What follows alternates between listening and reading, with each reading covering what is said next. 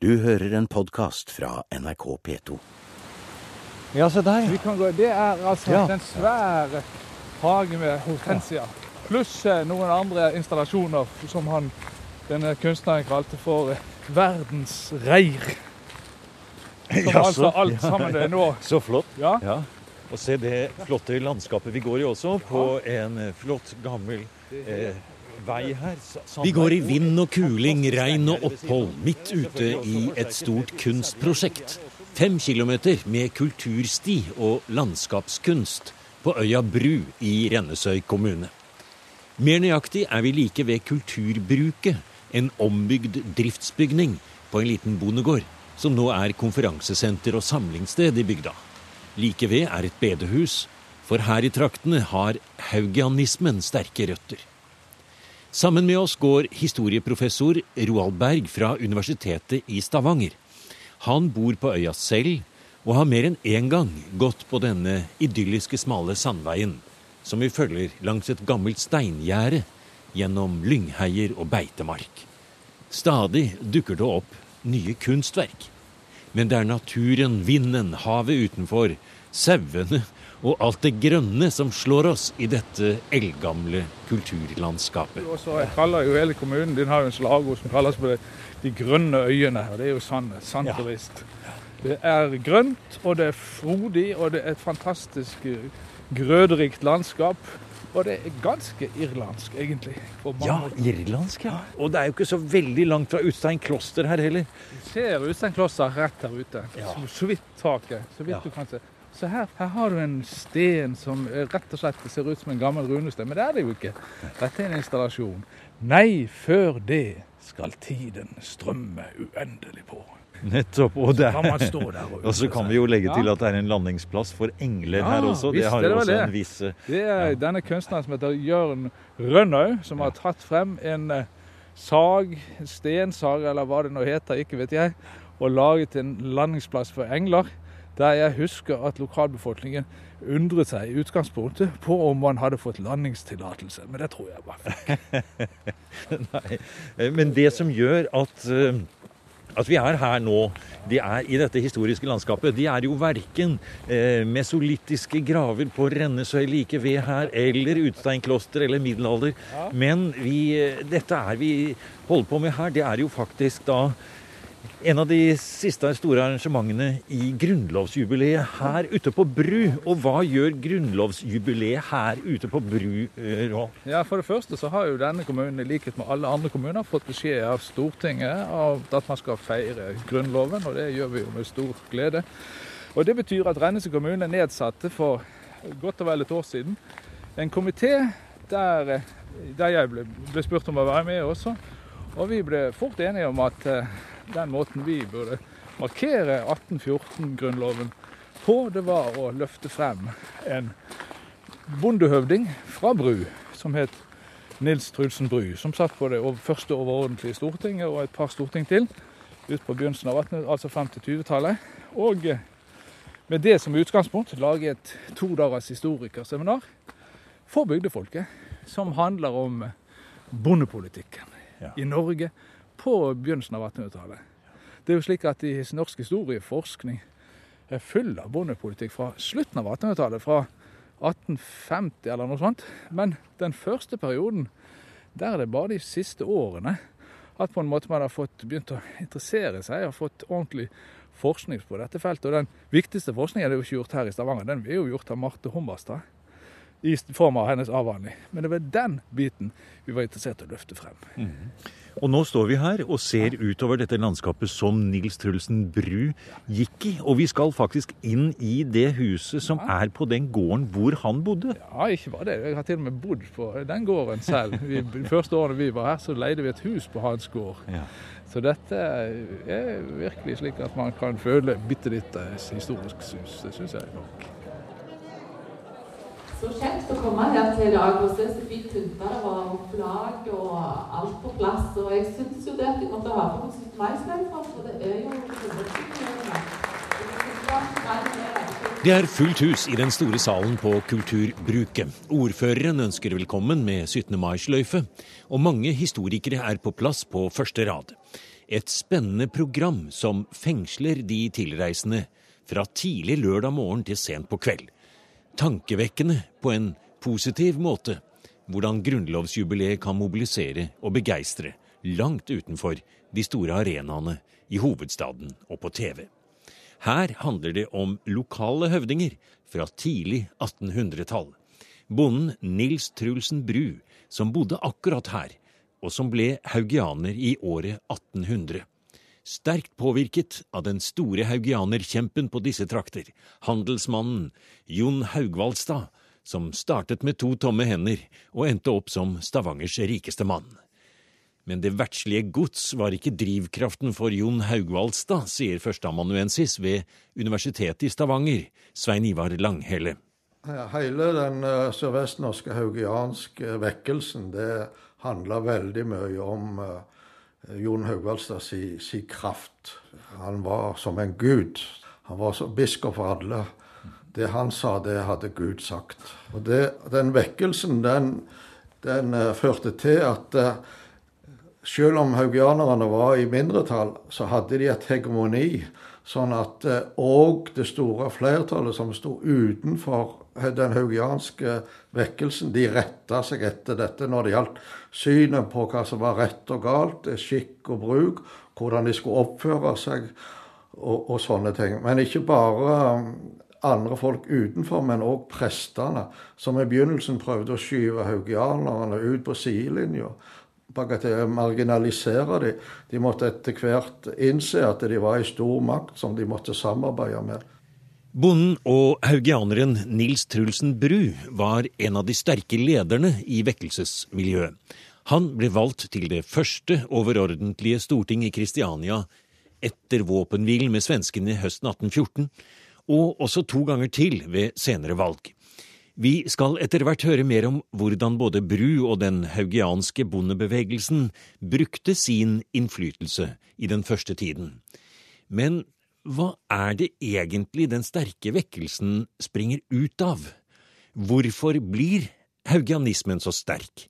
Og hvorfor slår denne folkebevegelsen så sterke røtter her blant kystbefolkningen, fra Lista til Rogaland og videre nordover, blant fiskere og småbønder? Det er alltid en personlig årsak. Her er det Jon Haugvaldstad, ikke minst, som er den store krafta. Men en viktig forutsetning var at uh, det var et stort sildefiske som førte til at samfunnet forandra seg. Det var en pengeøkonomi som overtok fra den gamle typen økonomi. Samfunnet var under stor uh, omveltning. Og det er typisk at uh, denne type vekkelser kom i fasen med industrialisering, altså modernisering, akkurat som i dette tilfellet. Mm. Og Så er det òg andre ting som vi må legge vekt på. det og en nær kontakt med det kalvinistiske Skottland og Nederland. I, uh, som var forløper, som de kjente hverandre godt. Og denne haugianismen på disse områdene, den er på en måte en slags halv kalvinisme. Han var mer ytterliggående enn Hans Nilsen Hauge sin. De var mye strengere med det som var forbudt. Eh, og de hadde ikke minst en måte å disiplinere befolkningen på som det ser ut som de har brukt, der de har, ser ut som de har brukt forbilder fra Skottland og Nederland til å disiplinere befolkningen sånn som de ønskte. Det blir jo som en stat i staten? De ble den mektigste krafta, kan vi si, fra over folk sin, sitt liv på den måten at det handler om religiøsitet, eh, normer, altså synet på, på, rett og galt. Det var en enorm kraft. Det var på en måte den gangen Sør-Vestlandet tok på seg den svarte, tunge, pietistiske kappen. Men før det kommer så langt at den tunge, pietistiske kappen senker seg, så var det i praktisk politikk og i små og store symbolsaker den gryende oppslutningen rundt de haugianske lederne viste seg, sier Svein Ivar Langhelle, som da silda slo til i store mengder i nødsåret 1814. Det var en veldig konflikt om uh, skatteavgifter i forbindelse med, med, med sildefiske, der uh, Nils Bruder var en av førerne i kampen mot en avgift som de ikke bøndene ikke aksepterte, men som var gyldig etter loven. Så det var en veldig konflikt rundt dette, og den konflikten førte til at uh, Nils Bru og noen andre ble, det ble rettssak mot dem. Ja, for de nektet jo rett og slett å betale? Ja, de nekta å betale den uh, avgiften. Og når båtene ble konfiskert, så, så stal de de tilbake igjen. Ja, for det var jo ikke bare Nils Bru og hans nærmeste som ikke ville betale. Det ble jo en stor betalingsnektsak rundt med Skudeneshavn, ikke sant? Det var, uh, det var hele allmuen. Det var nok noen som retta seg etter myndighetene, men det var det store flertallet. Det var en, en veldig bevegelse som de da ikke, myndighetene ikke visste hvordan de skulle behandle. Og så prøvde de å reise denne rettssaken. Etter hvert ble akkurat den rettssaken et stort problem. Ikke for Nils Trulsen Bru, men for aktor, som måtte betale bot for å ha reist tiltale. Et sjelden tilfelle i norsk rettshistorie. Etter Sildeopprøret ble Bru valgt inn som Stavangers tredje representant på Stortinget i 1814, og siden tiltale ikke var tatt ut, fikk han møte. Problemet kom opp igjen i 1815, da Nils Trulsen Bru ble valgt som Stavangers første representant. Men da ble hans møtefullmakter forkastet. For øvrig ble Bru valgt inn også i 1821, og da var det ingen som forsøkte å stanse ham lenger. Haugianismen var blitt en sterk kraft i hele Norge, og Nils Trulsen Bru satt i en rekke komiteer. Men den første gangen han møtte, i 1814, sier Svein Ivar Langhelle, det var da det skjedde, ikke det at Bru gjorde noe særlig av seg første gang han møtte på Stortinget men han trengte bare å kikke litt rundt seg i stortingssalen. Så så han hva som var galt. Han kom til Stortinget og fant ut at det her var det altfor lite bønder. Det var andre som bestemte. Bøndene måtte sjøl velge bønder, og det måtte være et, et helst et flertall av bønder på, på Stortinget, iallfall fra de fleste amter. Mhm. For på denne tiden så ble jo hver enkelt stortingsrepresentant valgt etter eget, egne meritter, kan man si. Det var jo selvfølgelig ingen partier. Men det var jo heller ingen systematiske kampanjer for å velge noen. Det var vel nær sagt forbudt også. Så det at han da ser at her må bøndene velge bønder, det var mer revolusjonært enn det kanskje høres ut til ved første Det ble oppfatta som, som, revolusjonært. Og han ble òg tiltalt for å ha foreslått at bønder måtte vende bønder istedenfor å velge embetsmenn eller folk eh, med, av, av, andre yrker. Så han ble da tiltalt etter en paragraf ifra, en lov fra før 1814. Og, og, i det ytterste så kunne det endt med dødsstraff hvis dette hadde blitt gjennomført. Men han viste til, til Grunnloven, og han viste til at i Grunnloven så var det uh, trykkefrihet. Mm. Og, og, og dermed så, så, fikk han så å si det siste ordet, og saken ble lagt vekk. Det handler om haugianerhøvdingen, folkelederen og bonden Nils Trulsen Bru i museum i dag. Han var aktiv i Stavanger-området og på De grønne øyene fra omkring 1800 og til begynnelsen av 1820-årene. Valgt inn tre ganger i de aller første stortingsvalgene, og en typisk representant for de selvbevisste, religiøse og politisk engasjerte bøndene som var med på å forme 1814-staten. I slutten av september var det et todagers seminar på øya Bru, helt og holdent viet til bondepolitikken, haugianismen og personen Nils Trulsen Bru, som en del av Rennesøy kommunes markering av grunnlovsjubileet. Der var også historiker og forsker Marte Hummerstad, som i 2012 leverte sin doktorgrad om det hun kalte politiske bønder, bondepolitikk og Stortinget i perioden 1815 til 1837. Og er det sånn at det er den politiske bonden, det at bøndene samarbeider om å fremme sine interesser, som blir haugianismens store bidrag til norsk politisk historie? Kort og godt eh, ja. For eh, selvfølgelig, de politiserende bøndene, de var jo flere enn bare haugianerne. Eh, men haugianerne og andre bønder med politiske mål, de fant at her vi kan samarbeide på Stortinget og oppnå ting sammen. Og det er jo en kontinuitet fra før 1814. Eh, og som også selvfølgelig da munner ut i partivesenet senere på 1800-tallet. Det er noen saker som blir typiske for bøndenes saker. Det er næringslivspolitikken f.eks. Det kan man jo kanskje kjenne igjen litt fra haugianernes eh, tanker og ideer. Og det er verneplikten. Men det er ikke religionsfrihet. Nei, eh, haugianerne er opptatt av sin religionsfrihet, altså sin frihet til å utøve religion. Og da er det selvfølgelig konventikkelplakaten som er det viktigste. Men når det kommer til religionsfrihet for andre minoriteter og for jøder, så er de negative. Eh, Og det er eh, sånn i forhold til debatten om eh, jødeparagrafen på eh, 40, 1840- og 50-tallet, så er de sterkt negative. Det er helt tydelig. Og de får også, i starten så får de jo også trukket med seg andre eh, bønder som kanskje i utgangspunktet ikke har det religiøse motivet, men hvor man bruker da økonomiske motiver, f.eks. For det er jo et spørsmål hva en bonde er på dette tidspunktet, og hvilke felles interesser de eventuelt har. Og du nevnte i ditt foredrag at f.eks. Nils Bru, da, som kommer til Stortinget, og som du sier, han ser seg om der og liker ikke det han ser. Nei.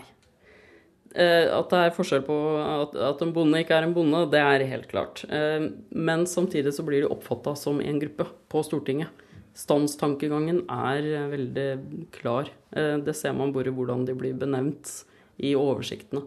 Da er de gårdmenn, eller så er de lensmenn eller kirkesangere eventuelt. Det er den vanligste. Eh, Og da, det gir jo ikke noe informasjon om hva slags bakgrunn de har, hva slags økonomiske ressurser de har, f.eks. Og, og heller ikke hva som skiller dem fra de som ikke blir representanter, altså den resten av bondebefolkningen.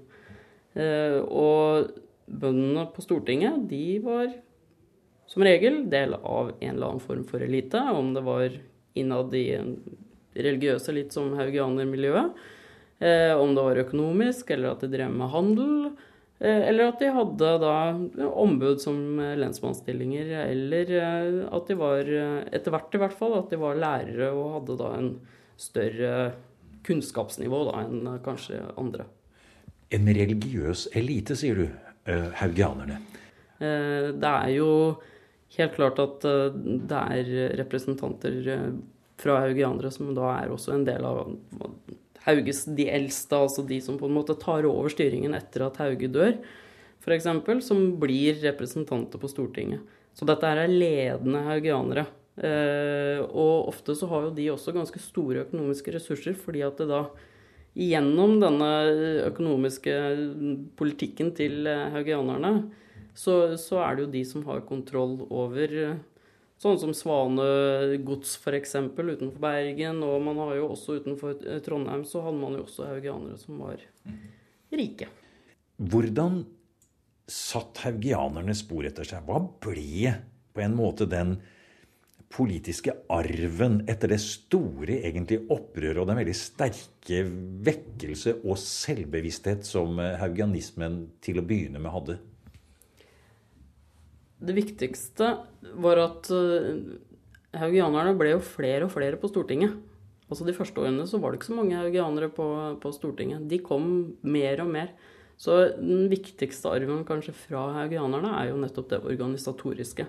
At man har et nettverk som er operativt allerede fra første dag. Altså Man har jo alle disse enorme brevsamlingene f.eks. etter haugianerne, som jo avdekker dette eh, nettverket veldig klart. Og så innenfor det nettverket, så hvordan kommunisere politisk, hvordan finne ut hva man skal eh, arbeide for, og ikke minst treningen i å snakke og legge frem saker og holde prekener og i det hele tatt. Altså det er jo masse verktøy de har innen sin organisasjon som de kan bruke på Stortinget. En ting som verken Nils Trulsen Bru eller noen av de andre haugianerne på Stortinget brukte sin innflytelse for å få gjennomført, var kanskje merkelig nok religionsfrihet. Snarere tvert imot. Bortsett fra konventikkelplakaten, som ble avskaffet i 1841, så var haugianerne helt på linje med resten av Stortinget, som ikke ville løsne på noen av de famøse bestemmelsene i den såkalte jødeparagrafen, sier professor Dag Torkelsen fra Det teologiske fakultet ved Universitetet i Oslo.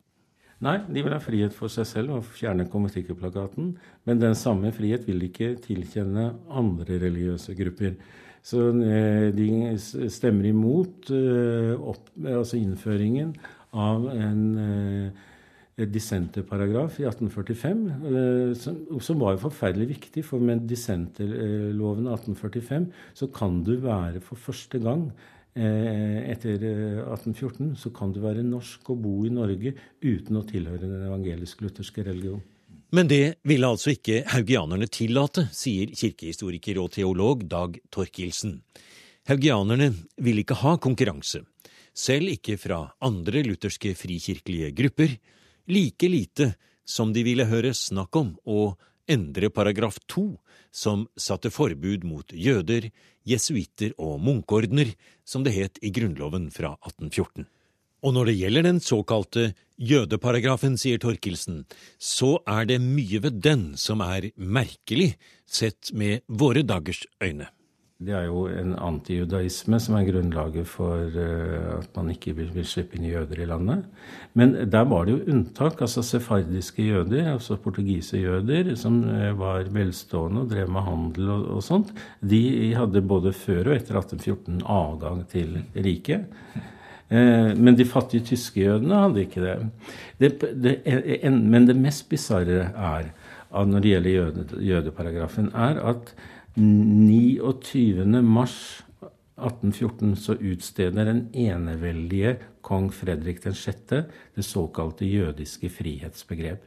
Da får jøder i Danmark eh, eh, omtrent de samme eh, borgerlige rettigheter som alle andre dansker. Noen uker etterpå så innfører vi en jødeparagraf. Det står for meg liksom som noe av det mest bisarre med, med Grunnloven i 1814. Ehm, når det gjelder eh, forbudet mot eh, munkeordener og jesuitter, så er jo det bare altså, uttrykk for, at, eh, for en antikatolisisme som står sterkt i Norge. Det er først i moderne tid hvor vi har begynt å reise så mye og se andre land og oppleve andre land og kulturer, at denne antikatolisismen har forsvunnet. Det som virkelig opptok haugianerne på Stortinget når det gjaldt trosspørsmål, var den såkalte konventikkelplakaten. Og derfor ble denne lovbestemmelsen, som la begrensninger på en fri religionsutøvelse, fjernet mye tidligere i Norge enn i Sverige, sier Dag Torkelsen. Den dansk-norske uh, konventikkelplakaten fra 1741 var egentlig en mild konventikkellovgivning. Konventikler det var en ty nærmest et, type bibelgrupper eller oppbyggelsesmøter. Eh, man, og man ønsket kun å føre kontroll med dem, slik at det ikke ble eh, forkynt noe vranglære, eller at dette ble grunnlaget for sosial uro. Og den som hadde tilsynsansvaret i, til disse konventiklene, eller som måtte tillate dem, det var den lokale sogneprest. Men den var jo en torn i øynene på haugianerne. Så bonderepresentantene og, altså, og haugianerne på Stortinget kjempet jo sterkt for å bli kvitt den, og det ble de i 1842. Mens eh, hvis vi ser til Sverige, altså, som vi var i union med da, så ble konventikkelovgivningen revidert i 1858, men ikke fjernet. Før, I Sverige var det slik før 1858 at du kunne eh, utvis, landsforvises hvis du brøt konventikkelplakaten. Etter 1858 så får du en stor bot i stedet. Men, eh, og den siste som ble dømt for brudd på konventikkelplakaten i Sverige, er i 1912. Og i, først i 1956 så blir dette konventikkellovgivningen luket ut av svensk lovgivning. Og for øvrig, sier Torkelsen, var det helt andre paragrafer som ble benyttet mot Hans Nilsen Hauge da han ble fengslet for syv år i 1804. Da gjaldt det både oppvigleri, løsingerloven og mistanker om økonomisk svindel, slik myndighetene så det den gangen. Men snart ble haugianismen en så stor bevegelse og politisk kraft at de som tidligere hadde vært mot og forsøkt å stanse haugianerne, nå isteden ble en del av bevegelsen. Altså Haugianerne får jo etter hvert en veldig de blir, Det er en gruppe som er på vei oppover, sosialt oppover i samfunnet. Um, en del av Haugianersønnene begynner å studere teologi rundt 1850. Hauges egen sønn, Andreas Hauge, blir den første generalsekretær i, for uh, Misjonsselskapet. Um, han blir prost i uh, Skien for å dempe den religiøse uroen der. Uh, hans sønn igjen blir jo kirkestatsråd. Eh, så det er jo ganske, det er jo en sosial rei, eh, reise, dette her. Mm. Og fem av biskopene våre i andre halvdel av 1800-tallet har jo haugiansk bakgrunn. Mm. Og du sa i ditt foredrag også, når da det skjer, at haugianismen bryter igjennom i Norge, kanskje rundt sånn 1850 og fremover, mm. Så det, var det 23 lensmenn og det var altså da 37 haugianske ordførere. Ja. Så vi snakker jo om en voldsomt eh, gjennomslag. Ja, og de nyter åpenbart eh, stor tillit lokalt. Er, de er folk som man stoler på. Mm. Og derfor får de denne oppslutningen. Du har nå hørt en podkast av programmet Museum fra NRK P2. Og send gjerne en e-post til museum krøllalfa nrk.no.